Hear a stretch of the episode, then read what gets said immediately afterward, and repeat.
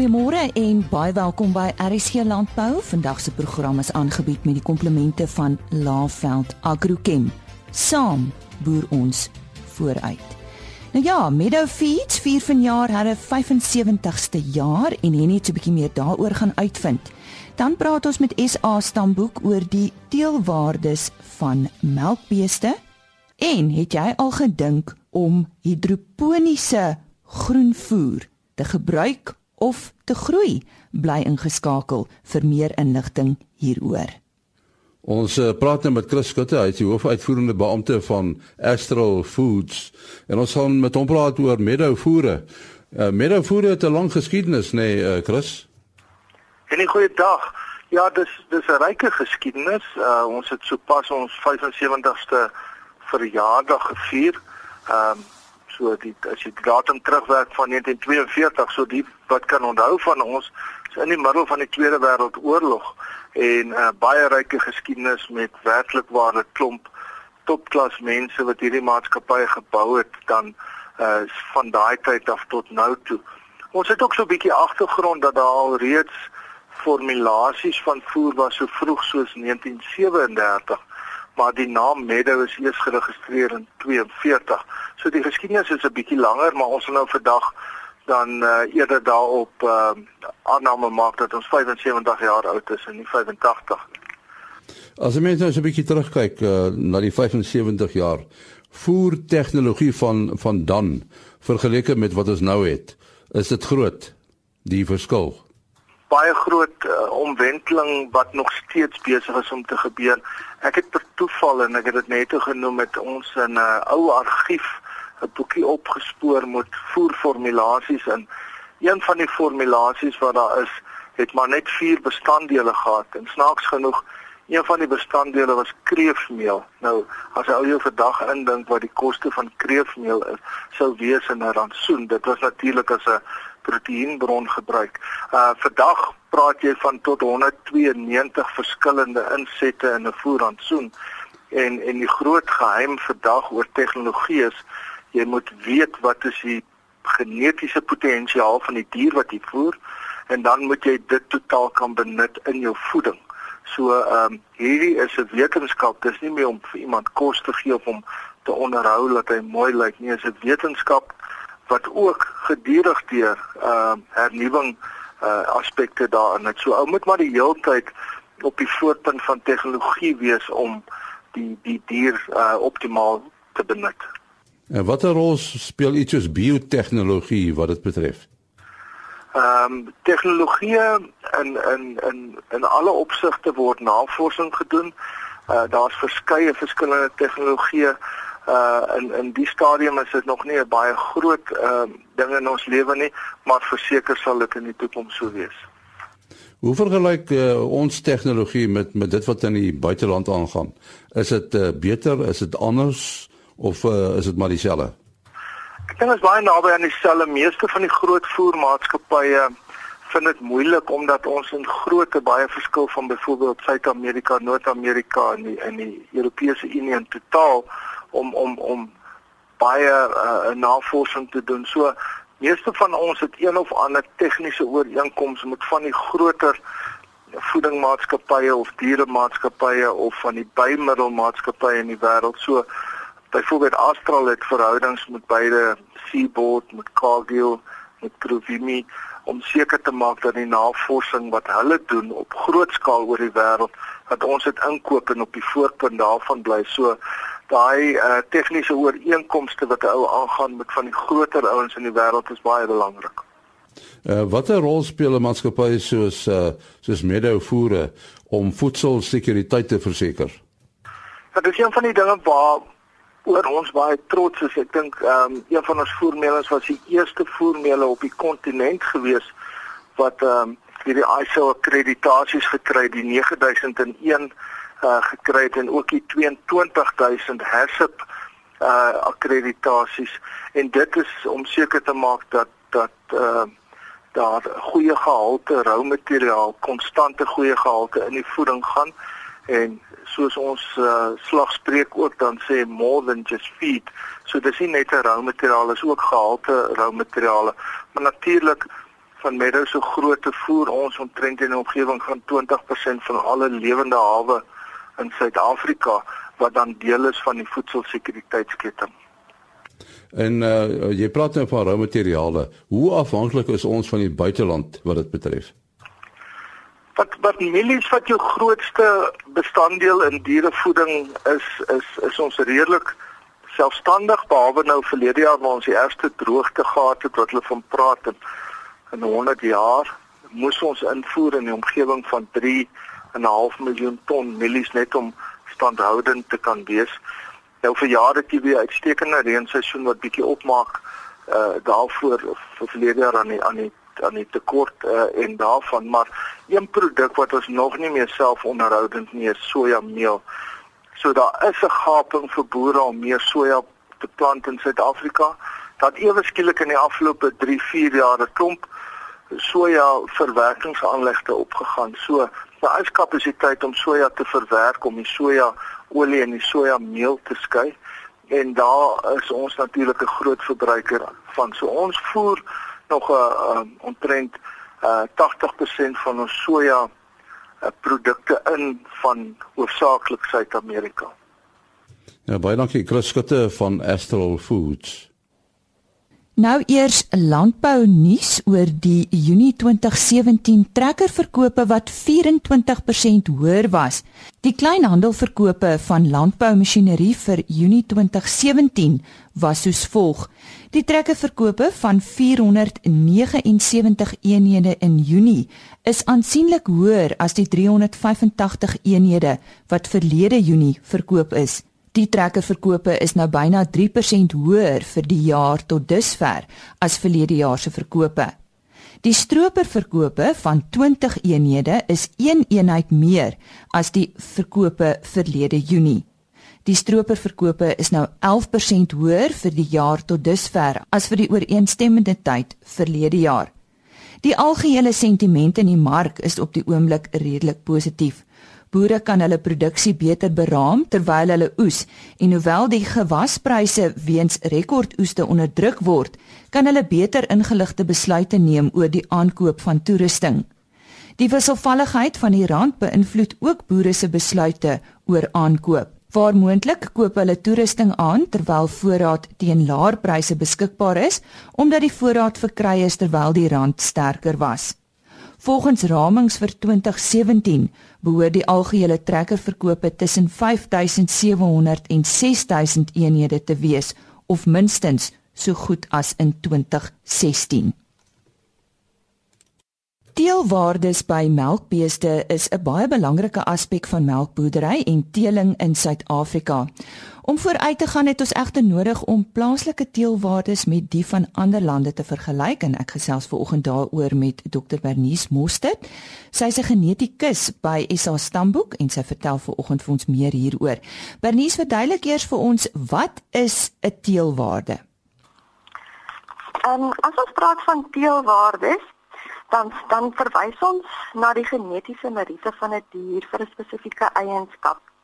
En dit word gebaseer op die meting van die dier in vergelyking met die groep diere waarmee hy saamgemeet was, asook stamboom inligting wat al daardie diere se verwante se inligting aan hom vasbind en die genetiese parameters van die populasie waarmee ons werk. Dit is nou die oorerfbaarhede en die genetiese korrelasies wat tussen die eienskappe bestaan. Hoekom is dit nodig dat teelwaardes tussen lande vergelyk kan word?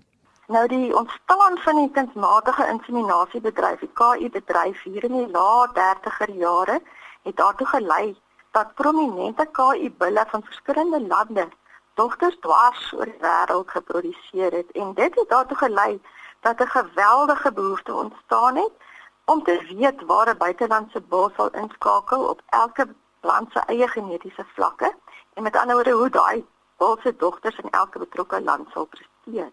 Maar waarom kan ons nie net die teelwaardes van die bul se land van oorsprong gebruik nie? Daar's eintlik 'n klomp redes daarvoor. Byvoorbeeld, um lande verskil ten opsigte van hoe hulle spesifieke eienskappe definieer. Die eenheid van metings kan verskil tussen lande. Natuurlik die genetiese variasies van populasies verskil. Um en dan ook goed soos die definiering van die basisjaar en die uitdrukking van die teelwaardes. Maar daar's nog 'n ander baie belangrike aspek wat 'n ou moet in gedagte hou.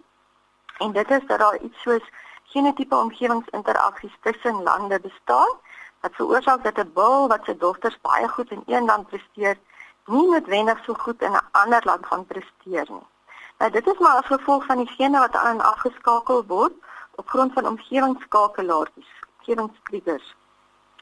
En dan sien dit veral by lae laer oorerfbare eienskappe soos vrugbaarheid en langlewendheid sodat dit eintlik verskillende gene kan wees wat betrokke is by die uitdrukking van eienskappe in verskillende omgewings.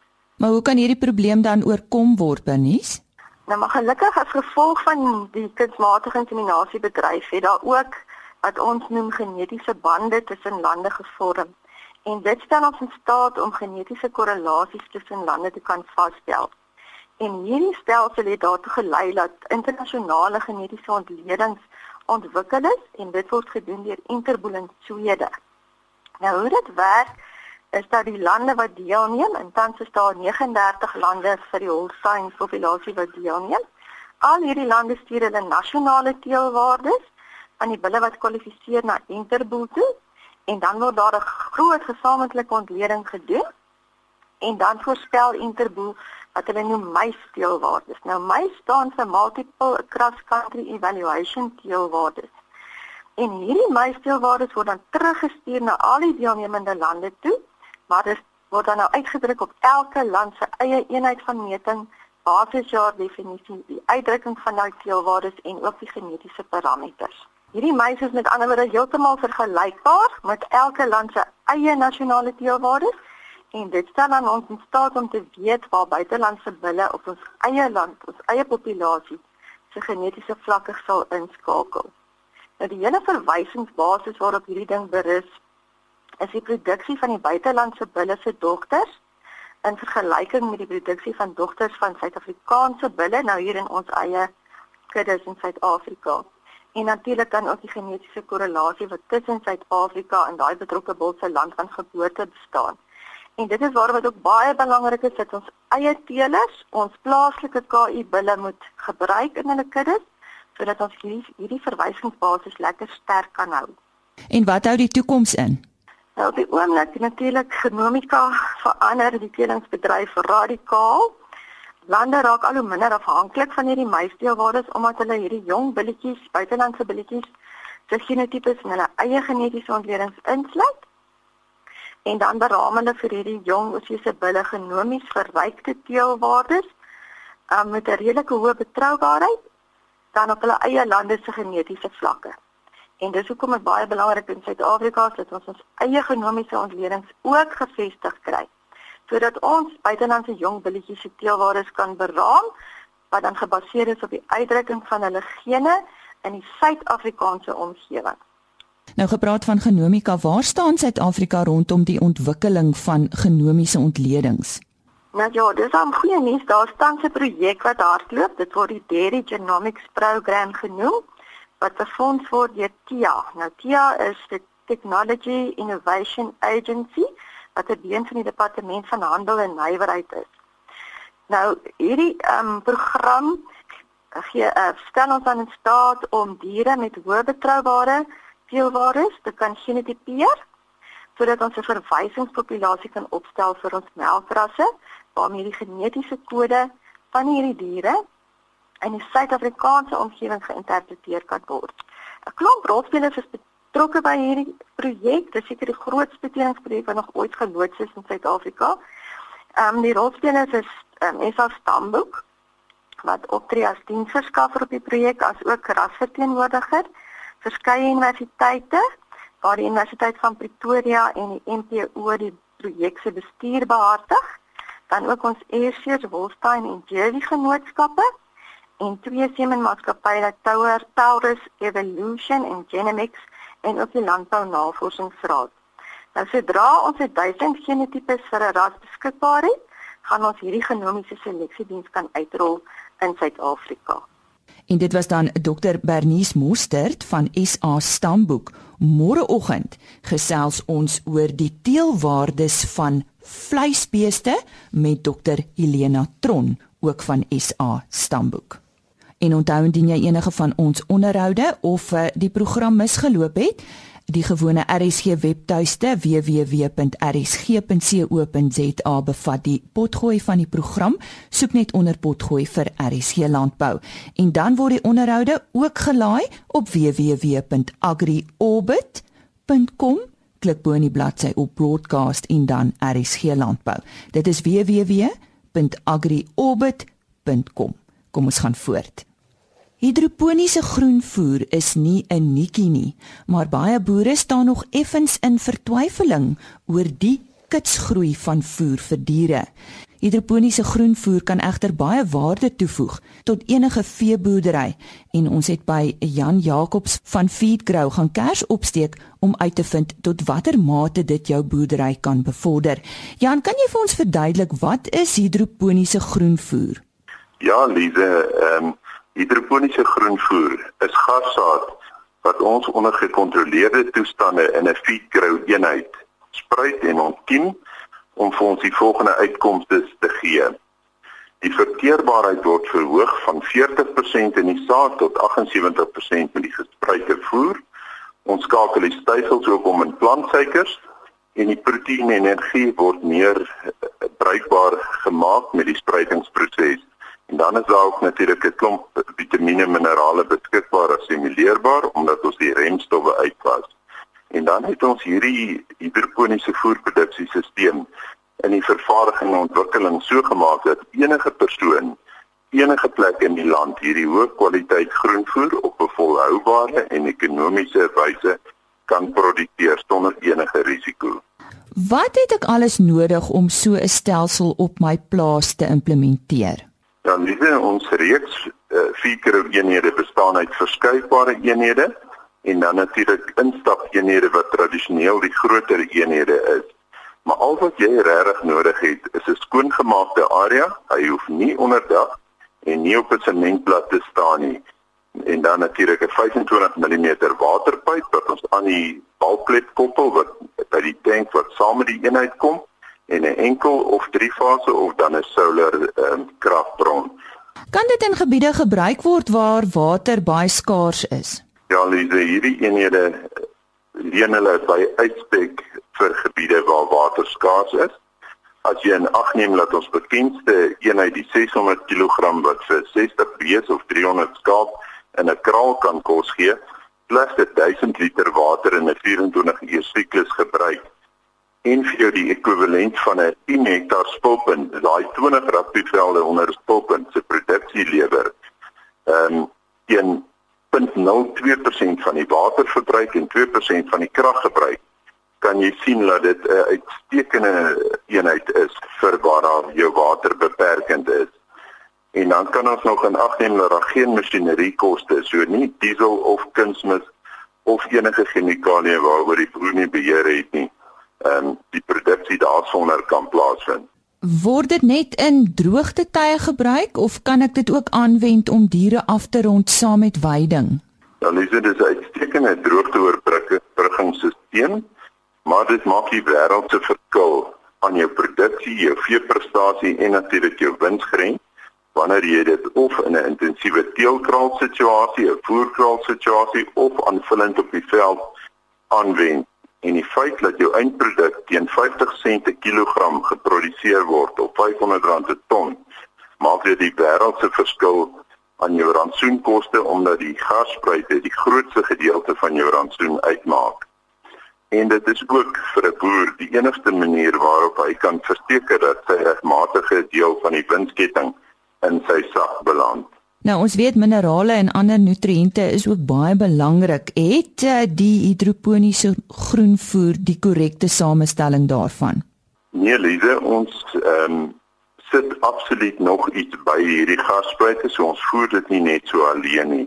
Alhoewel hierdie gasspruite baie hoë verteerbaarheid het, 'n 20.4% riproteïen op 'n vogbasis waarvan 56% diervloeiproteïen is, 12 mJ per kilogram energie en dan natuurlik soos ek genoem het, um, baie meer vitamiene en minerale assimileerbaar vir die dier is, is dit geweldig belangrik dat ons nog steeds 'n rifoer komponent vir die dier bygee om die riemen te krap en hierdie sagte vogtige voer deur te neem na die ehm um, dinderm en, en die ander uh, dele waar die nutriënte opgeneem word.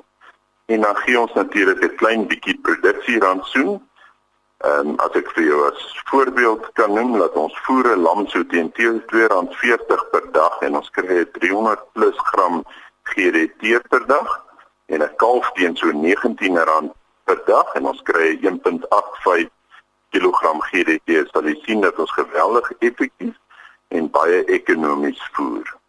Dit klink vir ons so, so is dit dan 'n supervoer soos ons dit sal noem. Nee, Lise, ek is baie bly dat jy hierdie vraag vra, want dit is die algemene fout wat baie uh, mense daar buite maak.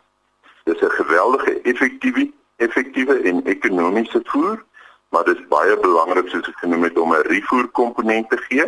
Omdat hierdie gas die hoogste entieme het, kan hy 'n laaggraadse refoer of 'n oesres of enige veldgras as refoer aanbied en dan kan jy natuurlik 'n selfmeng produksierantsoen ehm um, relatief goedkoop maak daarvoor want daar hoef geen medikamente, hormone, ionifore by te wees nie.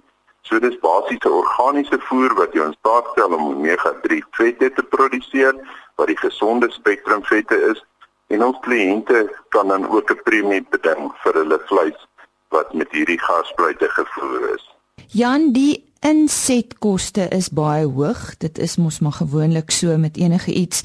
Uh is dit finansiëel die moeite werd om so 'n stelsel op te rig? Ja, Lise, hierdie feedgrow eenhede is nie 'n goedkoop produk nie as gevolg van die baie hoë waarde materiaal wat ons gebruik. Alles chromadex, stainless steel, aluminium en dan ons natuurlik die tegnologie wat ons gebruik is nie goedkoop nie en ons beheerstelsels wat hierdie proses vereenvoudig het en geautomatiseer het om heeltemal die risiko van hierdie produksie weg te neem. Maar as ons die koste van 'n feedgrow eenheid bereken, dan moet ons dit relatief sien teenoor die koste van natuurlike veiding of om 'n spulpunt besproeiing op te sit. En dan sal jy sien dat ons hierdie draagkrag koop teen omtrent 20% van die koste van die ander alternatiewe. Die eenhede word ook gefinansier deur die handelsbanke en landbank en hulle neem die eenheid as sekuriteit so tradisioneel selfs as wat jy 'n trekker of 'n bakkie of 'n spulpunt sou finansier en as jy net 'n voerkraal sou bedryf op hom kan jy sy koste meer as eenmaal verhaal uit jou profiet in jaar 1. As ons kyk eh, en ek het reeds genoem dat hy vergelyk sy met 'n 10 hektaar spulpunt sy opbrengs per jaar, dan sal die 600 kg eenheid wat beter wees of 300 skaap in 'n kraal kan voer teen 'n vyfde van die koste kan jy hom die draagkrag bekom. Ek self is 'n boer in Koelsberg en daar het ons so 2.4 hektaar nodig om 'n skaap vir 'n jaar te neem en teen die 2700 rand wat natuurlike veiding kos, kan dit jou 6480 rand kos om 'n skaap vir 'n jaar te kan akkommodeer terwyl die feedgrow eenheid 1383 rand kos en die besproeiing jou 8733 rand vir dieselfde scenario sou kos. Dit is natuurlik geweldig belangrik om by die regte maatskappy die eenheid te koop want jy wil 'n waarborg hê dat jy ongeag die klimaatstoestande of enige ander uitdagings wat in die landbouomgewing bestaan, jy elke dag daai selfe kwaliteit kwantiteit kan produseer en 'n waarborg dat jy geen giste alge en swamme in jou eenheid sal kry wat jou diereprestasie nadelig kan beïnvloed nie. En dan is Feedgrow die maatskappy wat vir jou 'n naverkoop diens gaan lewer vir jou al die voer eh, rantsoene gaan gee sodat daar geen raaiwerk of risiko in jou produksie is nie. Baie dankie Lize.